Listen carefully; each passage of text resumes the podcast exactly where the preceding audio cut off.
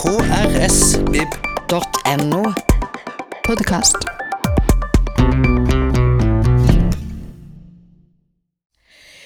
Ja, hjertelig velkommen dere til det jeg har kalt en påskelunsj. Og da har vi fått besøk av Paul R. Salves, Salves, Paul R. Salvesen, altså journalist, forfatter, tidligere fengselsprest, professor i teologi og etikk. Og for å si det sånn, som jeg pleier å kalle han, når vi trenger noen til å komme med kloke ord, så tilkaller vi oraklet fra Hamreheia. Så det har jeg gjort i dag. Velkommen, Paul. Tusen takk, Randi. Så er det, Du har jo vært på fredagslunsj flere ganger. Vi er vant med fulle hus her. Nå sitter vi to her. Og det, det sier jo en del om tida. Jeg vil bare si jeg håper det gode fredagslandspublikummet er med oss, og vi savner dere her i salen i dag. Men vi vil allikevel gi en samtale til dem. Um, 18. mars så hadde du en kronikk i Federlandsvennen som heter 'Frykt og håp i koronatider'. Omtrent riktig sitat. Eh, der du ja, altså snakker både om frykt og håp. Og for å sitere deg, da. Frykt kan føre noe godt med seg. Den gjør oss i stand til å identifisere farer og gjøre fornuftige og kreative valg. Uten frykt vil vi, vil vi ligne folket i Pompeii. Kan du utdype dette litt? Vi vet jo litt for lite eh, om befolkningen i Pompeii. Men må jo ha vært noen som har sett at denne vulkanen rørte på seg. Det kom ikke som lyn fra klar himmel. Og Likevel så fortsatte folk å leve nøyaktig som før. De aller fleste, i hvert fall. Noen hadde visst flyktet, men det var veldig, veldig få. Så de ble bokstavelig talt tatt på sengen av det som kom. De ble begravet i aske, de døde i armene på hverandre. De døde midt i det hverdagslivet de hadde vent seg til. Så min eh, sammenligning er vel rett og slett det at vi ikke ligner befolkningen i Pompeii akkurat nå. Vi har myndigheter som har tatt sine forholdsregler. Vi har forskere, vi har helsepersonell som gjør det de kan for å prøve å forhindre at dette blir en total katastrofe. Og i det bildet, ikke sant? I det bildet så hører også frykten med. Vi, det å leve totalt fryktløst er jo en livsfarlig måte å leve på. For da gjør ikke vi det vi kan for å unngå fare. Disse tingene har jeg jobbet med i vinter, eh, men da anvendt på selve økokatastrofen, økokrisen, klimakrisen. Så ble mye av det samme tankegodset for meg da veldig relevant i den situasjonen vi står nå. Ja, vi trenger frykt, men vi trenger så til de grader også håp. Mm. Bare litt der, for det, altså, du sier eh, her har vi myndigheter som har eh, håndtert dette. Vi, vi må si dette De har gjort en god jobb. Uh, og helsevesenet vårt, altså som, Ja, det løftes i flokk. Men hvis vi ser utover verden, så Ja, for eksempel at Vi skal ikke hatt for mye om han, men Trump la ned helsesmittevesenet for to år siden. For det trengtes ikke. Altså, sånn globalt har vi Har det vært en stor svikt? Eh, Har, vi, har det vært en slags Pompeii-situasjon? Det har jo åpenbart vært svikt mange steder. Eh, at eh, i den eh, temmelig rå kapitalistiske liberalismen som har preget i hvert fall hele den vestlige verden, så er det veldig mye av eh, fellesinstitusjonene som er blitt bygget ned.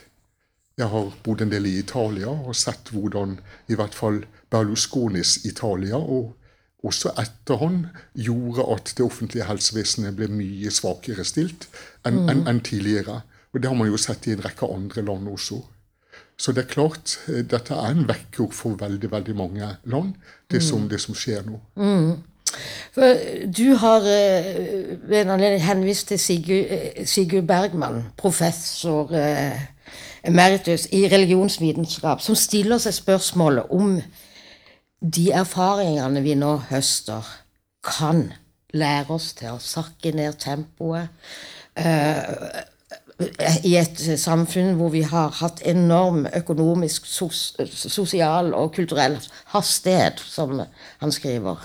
Ja, og så Sigurd Bergman, en, en venn og kollega, han har skrevet en veldig spennende artikkel i svensk presse som rett og slett heter 'Omvendelse'. Ja.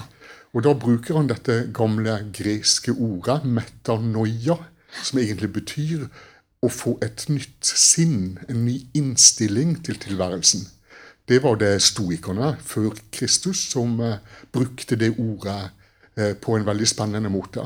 ja så ble også, det tatt inn i kristendommen? Og så ble det tatt inn i, i den kristne kirke, særlig av Augustin, som, eh, som forkynte denne muligheten for å legge noe bak seg og starte opp på nytt. Sigurd Bergman han bruker det da på den totale situasjonen vi er nå. Kan koronakrisen føre til at vi får en ny innstilling, et nytt sinnelag, i forhold til den naturen vi alle er en del av? Det er, det er hans håpefulle eh, fremtidsvisjon, rett og slett. Og altså det som jo også er det positive midt oppi alt, er jo at eh, klimaet gjennom at det ikke blir flyene står på bakken, det har jo gjort noe med miljøet, faktisk, eh, i, i disse siste ukene. Det blir jo et, et i, i, I all sin fortvilelse blir det jo også et, et bilde på at det er mulig å gjøre noe med utslipp og det hele. Det er klart.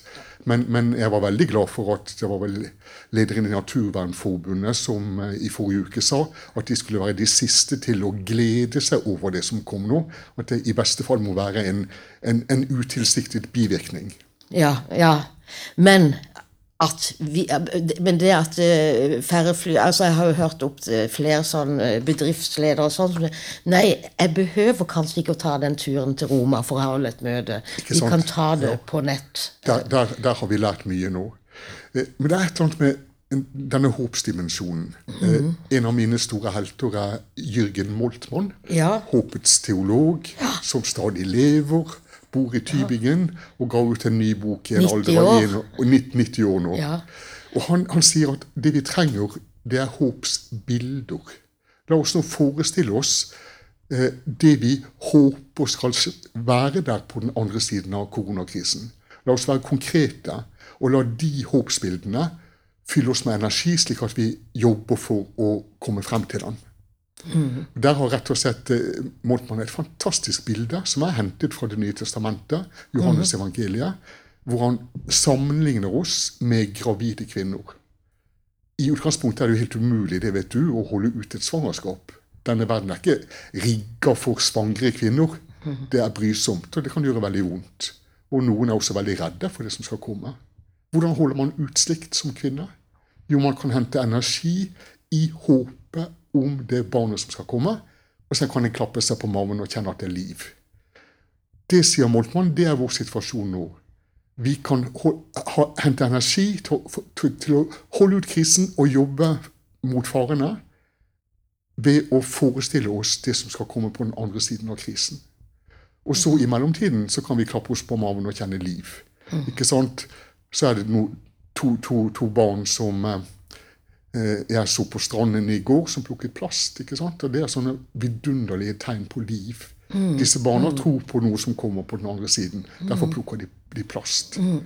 Så den, den måten å tenke på Tenk at fremtiden er her allerede. Den er foregrepet, og det er til å hente styrke og liv fra. Han eh, skriver også at håpet vekker vår sans for hva som er mulig, hva som kan bli.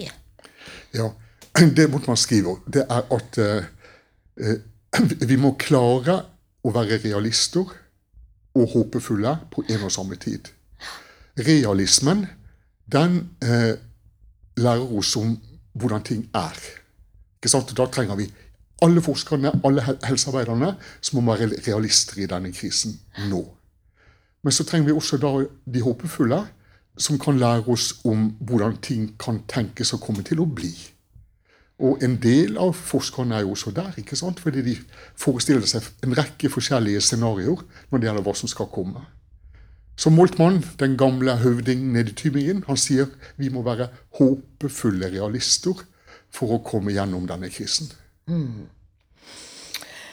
Så er det jo også sånn at eh, noen Det er de svakeste som blir sterkest ramma i dette.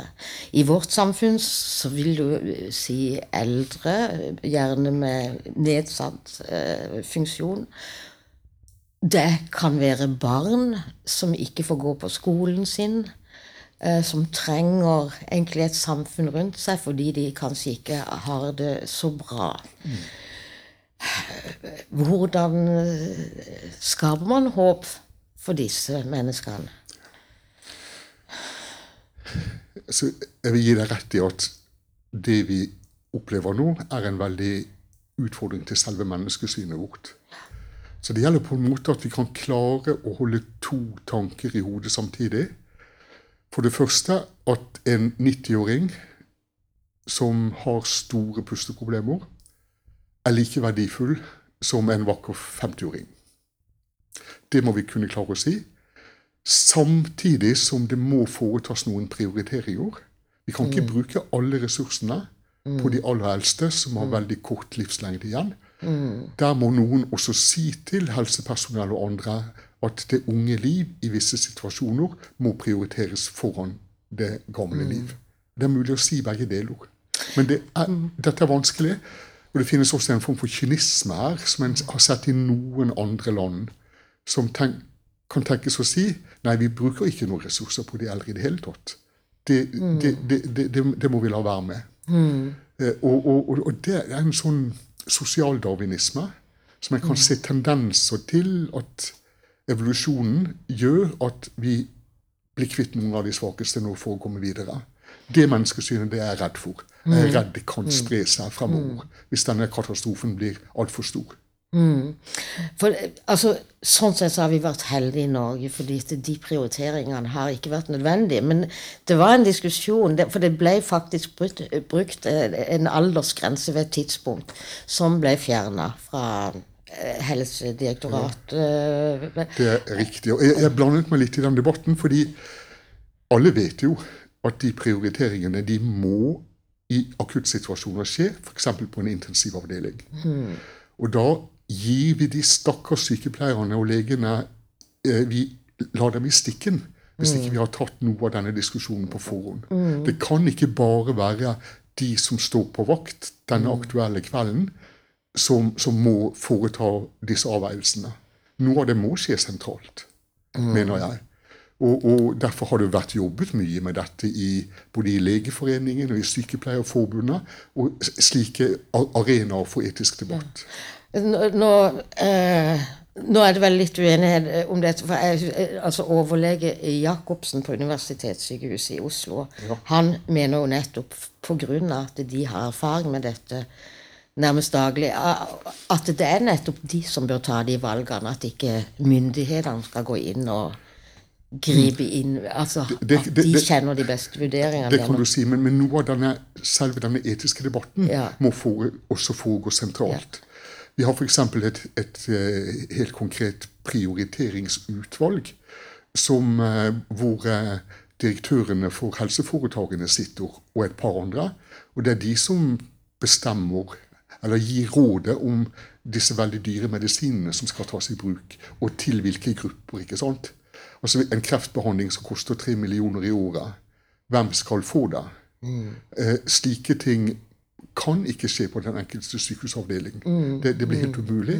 Og der må, må både etikere og fagfolk være med i de debattene. Runa, den biten, altså var det jo godt at det landa ikke på noen type aldersgrense. Det handla til syvende og sist om hele helsa til den enkelte. Ja.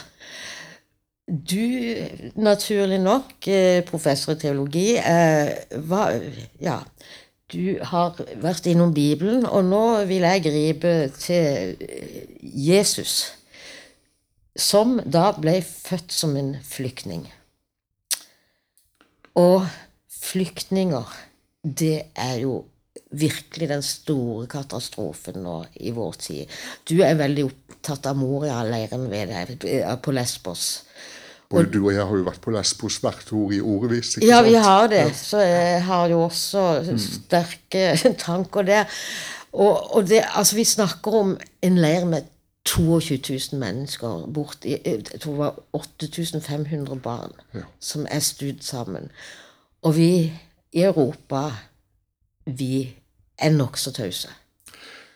FNs eh, høykommissær for flyktninger har bedt Norge og en del andre land om å ta imot eh, småbarnsfamilier fra Moria-leiren. Helt konkret. Og foreløpig så har vi dessverre en regjering som ikke har sagt ja til det. Eh, jeg har en venn som heter Knut Bry, en fantastisk fotograf. En av Norges fremste. Han er 71-72 år, og de fem siste vintrene så har han arbeidet på en annen flyktningleir på Lesbos, på kjøkkenet, med å lage mat. Han er opprinnelig eh, kokk.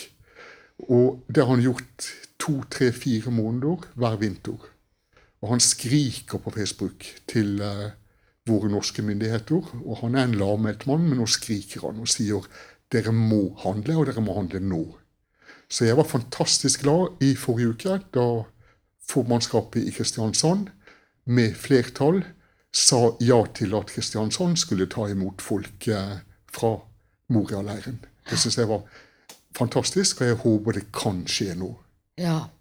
For det Jeg har lest også at um, det første tilfellet av koronasmitte er kommet til Lesbos. Det Og det, det. er, det, det, det haster, for dette, med den folketettheten som er der. Nei, Jeg er glad du minner oss om det, Randi. fordi når vi nå går inn i påskehøytiden, så er jo Dette er jo egentlig et veldig viktig kjennetegn både ved den jødiske tradisjonen og den kristne tradisjonen At man skal prøve å ta vare på de svakeste. Det har vært der, og ikke minst i Midtøsten-området så har det vært en rød tråd i etikken i 3000-4000 år. Det er ganske fantastisk, fantastisk lenge. Så eh, jeg syns det er en utrolig flott melding å få at i den byen vi bor, så er det en villighet til det hos et politisk flertall. Ja, det, det skal vi være takknemlige for. Um, men vet du også om det er flere som har Det er, flere, det er flere andre europeiske land nå som har sagt ja. Ja. Det er det. Selvfølgelig var Tyskland først på banen. Ja. Tyskland eh, er det jo utrolig mye å lære når det gjelder en god del solidaritetsarbeid for tiden. ja. Og samarbeid mellom Tyskland og Frankrike, f.eks. Ja, Og Tyskland og Italia. Og Ita- Ja. Ja. Og nå har også Norge nå, vel i går, sendt sine første Ja. Det fikk jeg også med meg. helsearbeidere. Ja. Og, så det er jo godt å, å se at man, eh, man utvikler det samarbeidet. Men påskelunsj har vi kalt dette i dag. Og eh, ja Da må vi vel inn på hva selve påska handler om. Jeg har eh, Altså For å sitere eh, Svein Ellingsen, som dessverre døde på søndag, 90 år gammel. Vår eh, flotteste salmeskriver. Eh, han, har, han sa i et intervju med Aftenposten, jeg tilbake til 1988, men du vet jo, jeg er jo gift med en samler som har alt mulig. Så han fant fram dette intervjuet. og Det, han sier påske er lidelse og lovsang. Det syns jeg var veldig godt sagt. Og er det noen som skrev tekster som vibrerte av begge deler, så var det jo nettopp Svein Ellingsen. Han, var jo liksom selve, han er jo selve den store poeten i uh, min generasjon sin salmediktning. Det er kommet flere, heldigvis. Edvard Hoem har nå 14 salmer i salmeboken. Så det er kommet flere mer allmennforfattere inn. Men Svein Eldings var liksom den første. Men det er klart at påsken er jo en grunnfortelling om lidelse og om håp. Det var den også i den jødiske påskefeiringen. Ja. Da var lidelsen det var deres memorering av slaveriet i Egypt. Og alle årene i landflyktighet, i eksil. Så der er det også veldig mange flyktningemotiver i den gamle israelske eh, historien. Og så var håpet for dem forbundet med å komme til det lovede land og få lov å bosette seg der. Og så ser man liksom En del av de samme motivene er der i den kristne påske, påskefeiringen. Det er, det er smerte, det er lidelse. Det er historien om denne forunderlige mannen, Jesus fra Nasaret, som eh, opplagt var en fullstendig ikke-voldelig mann. Og det provoserte mange som trodde han var Messias. For Messias skulle jo være en militant hersker. Men Jesus fra Nasaret var ikke voldelig. Han holdt seg hele tiden med de gale folka. Ikke sant? Han besøkte de spedalske, var ikke redd for å ta på dem. Han eh, løftet frem barn. Han løftet frem kvinner, syke. For ikke å snakke om galileere. Altså, Venneslag i min ungdomstid her i byen kan bare gå og legge seg i forhold til hvordan man snakket om galileere i Ja. Jerusalem. Så det er der også, denne her rare mannen. Først ble han hyllet da han kom ridende på palmesøndag.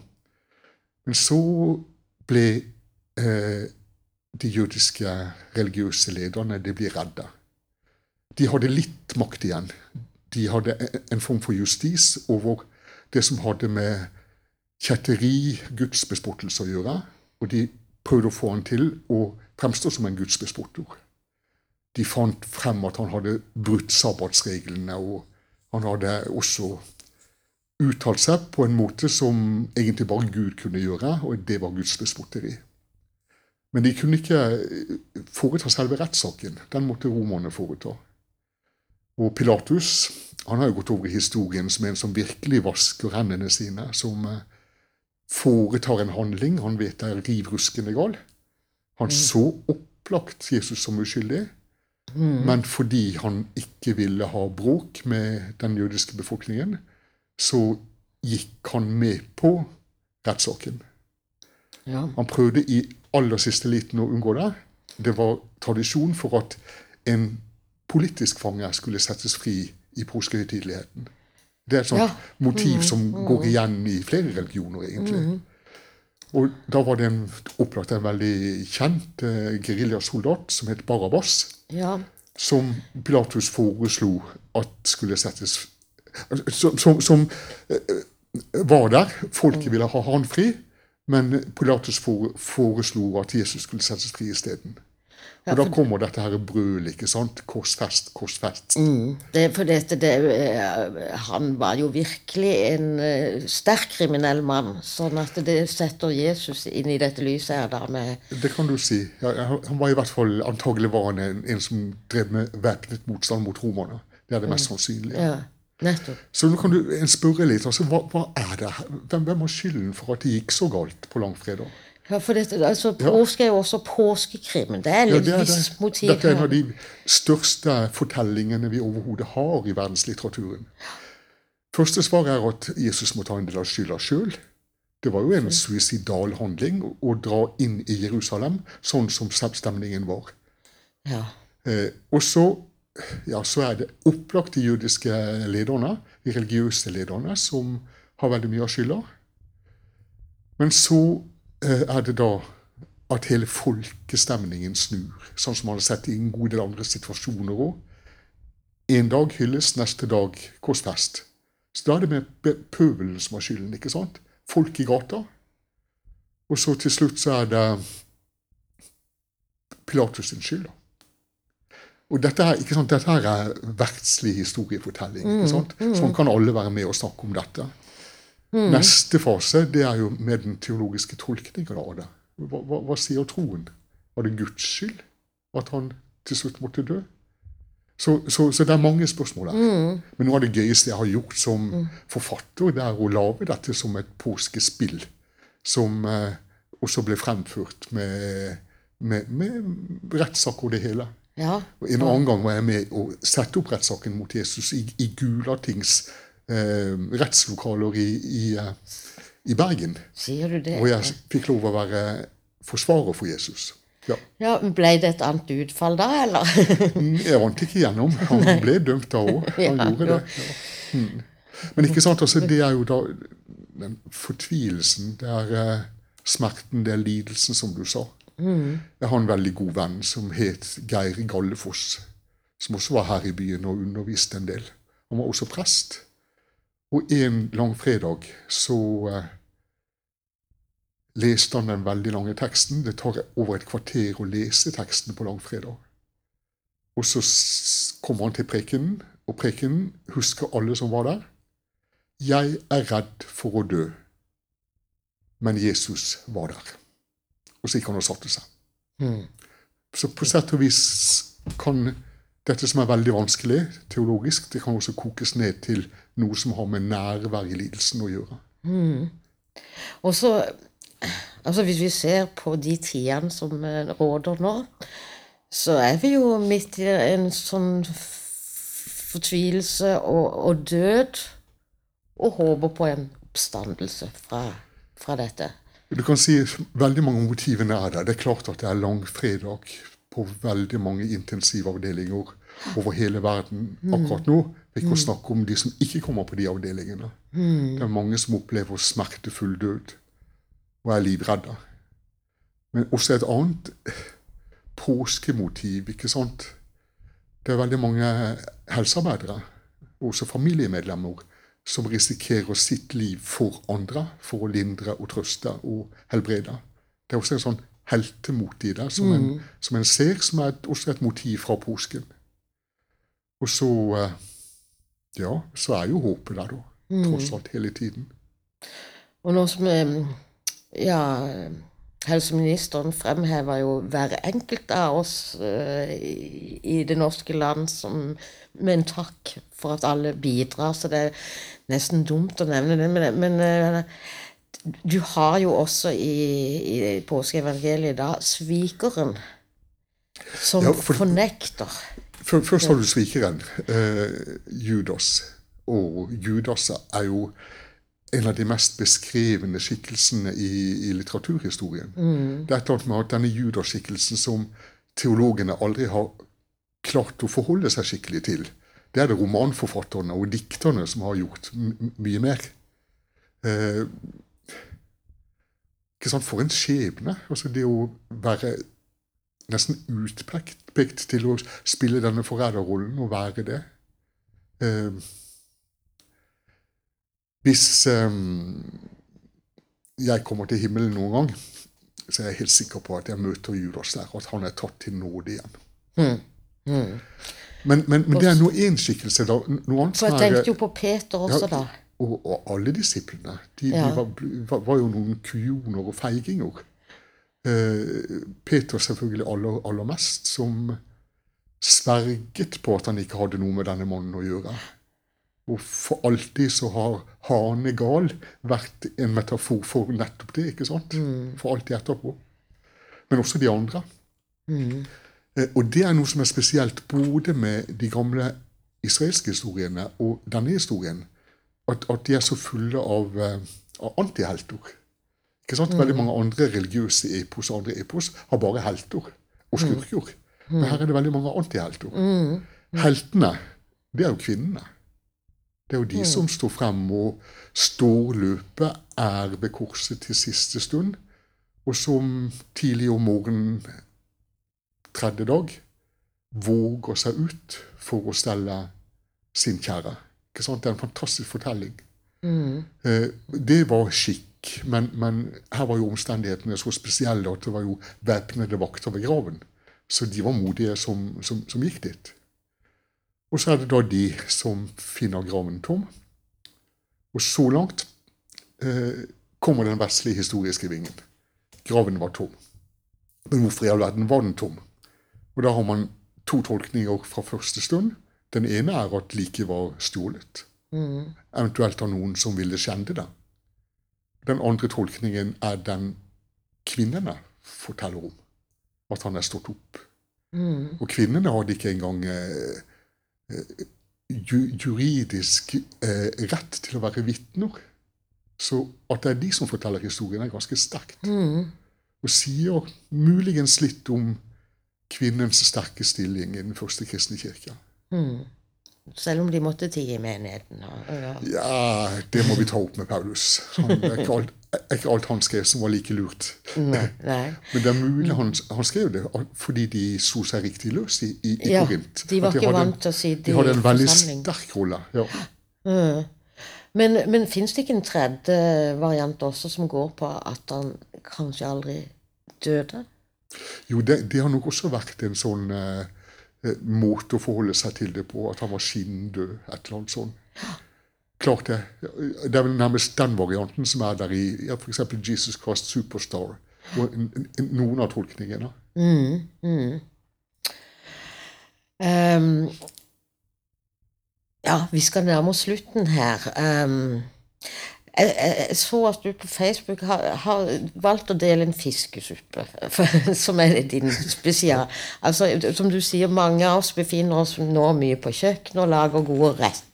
Er det det du skal bruke påska til nå? Eh, og, Ja, jeg- og turer, eller Hvordan skal din påske være? Jeg er forferdelig glad i å lage mat, så det, det det- gjør jeg hver dag. Og så må dere komme dere til fiskebrygga, Ja, alle sammen. Støtte opp. Støtte opp. Fiskerne forsyner oss med gode varer fortsatt. Og fiskehandlerne, og noen av dem fantastiske kokker, de står der fulle av tips til hvordan vi kan bruke råvarene. Ja. Så jeg skal litt igjen i, både i dag og i morgen. ja. Ellers eh, er jo jeg et skrivende menneske, så jeg sitter noen timer hver dag og skriver. ja. Og, og så leser jeg og går tur. Nå så jeg jo det, altså eh, Nå skal vi vie litt plass til til kirka, for nå er det sånn at det er en oppslutning på rundt 20 000 jeg, jeg, altså, når de legger ut ting på nett her nå. Eh, Så kirka har jo fått en oppslutning som må være Og hvor mange, langt tilbake i tid må vi for å se noe tilsvarende sted?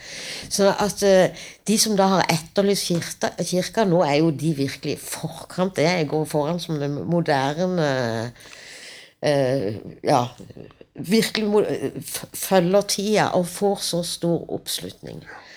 Eh, så, så, hvorfor slutter folk sånn opp om kirka nå? Det har vi jo sett flere ganger tidligere i historien i, i krisetider. At man da støtter opp om det, det trygge, det, det som alltid har vært der. Jeg tror det er, det er jo veldig mye sånn i Norge at selv om det bare er en 5% som går regelmessig til gudstjenester, så er det mange ganger det antallet som gjerne vil at kirken skal være der. Og at de kan bruke den når de trenger den. Ja. Så der tror jeg nok dette digitale gjennombruddet for Kirken eh, endrer Kirken. På samme måte som min andre virkelighet med akademia, universitetene, høyskolene. Klart at det at vi har måttet ha kontakt med studentene våre digitalt hele tiden, det, det gjør noe med den virkeligheten også. Men fiskesuppen Jeg lærte den fiskesuppen på et kjøkken i Assisi. ja. Jeg satt i Assisi i et kloster tre måneder og skrev på en roman som het Senpåske. Den kom for 30 år siden. Og noen uker så fikk jeg lov å hospitere på et restaurantkjøkken og lære eh, en del italiensk kokekunst. Og det, det laveste sjiktet på et restaurantkjøkken i Italia, det er de som er suppekokker. Jeg fikk lov å lære å, å lage suppe, og takket sjefen veldig for at jeg fikk lære å koke suppe, sa jeg på italiensk, og han ble rasende. Det heter ikke å koke suppe, det heter å bygge suppe. Constrade, constrade. Vi skal begynne med kjelleren og oppover. Ja. Og, ja, jeg lager en sånn ikke helt ulik, men den ser veldig god ut. Men, men eh, jeg ser du har oppi paprika i suppa. Det har jeg ikke Det har du helt rett i. Det gjør de ikke i Italia. Nei, de gjør ikke det. Men det er en god suppe. Den, eh, ja, for de som er på Facebook, så, så har han den, lagt den ut der, iallfall. Um, ja, det, det håper jeg du Ja, og, altså kjøp fisk, dere. Og jeg vil jo også si det er så mange sånne spesialforretninger og sånn. Kan, kan en kjøpe en liten ting i disse små, og kanskje gi en gave? Og for alle som sitter ensomme hjemme, altså, ring en venn. Er det sånn noen anbefalinger vi skal gi nå? Det syns jeg er gode anbefalinger. Og at, at vi også ser eh, dem vi oversetter daglig. De som henter søpla vår. De vi handler med i butikkene, som du sa. Eh, Postmannen som ja, kommer? Det er mange trofast. modige mennesker der ute som, som jeg tror egentlig blir sett mer nå enn Ja. tidligere, og det er jo Ja. veldig verdifullt. Det er det.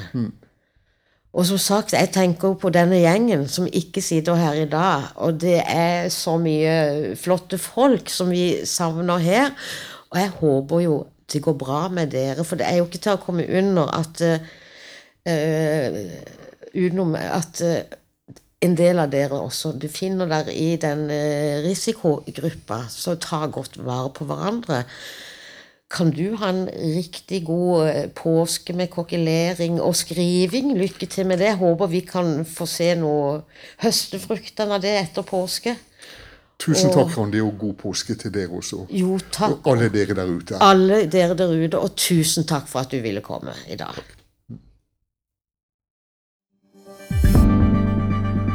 Flere podkaster fra oss finner du på Google Podkast, Apple Podkast eller iTunes, eller ved å stikke innom vår hjemmeside på krsbib.no.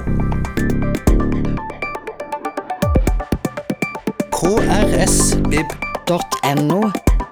Podkast.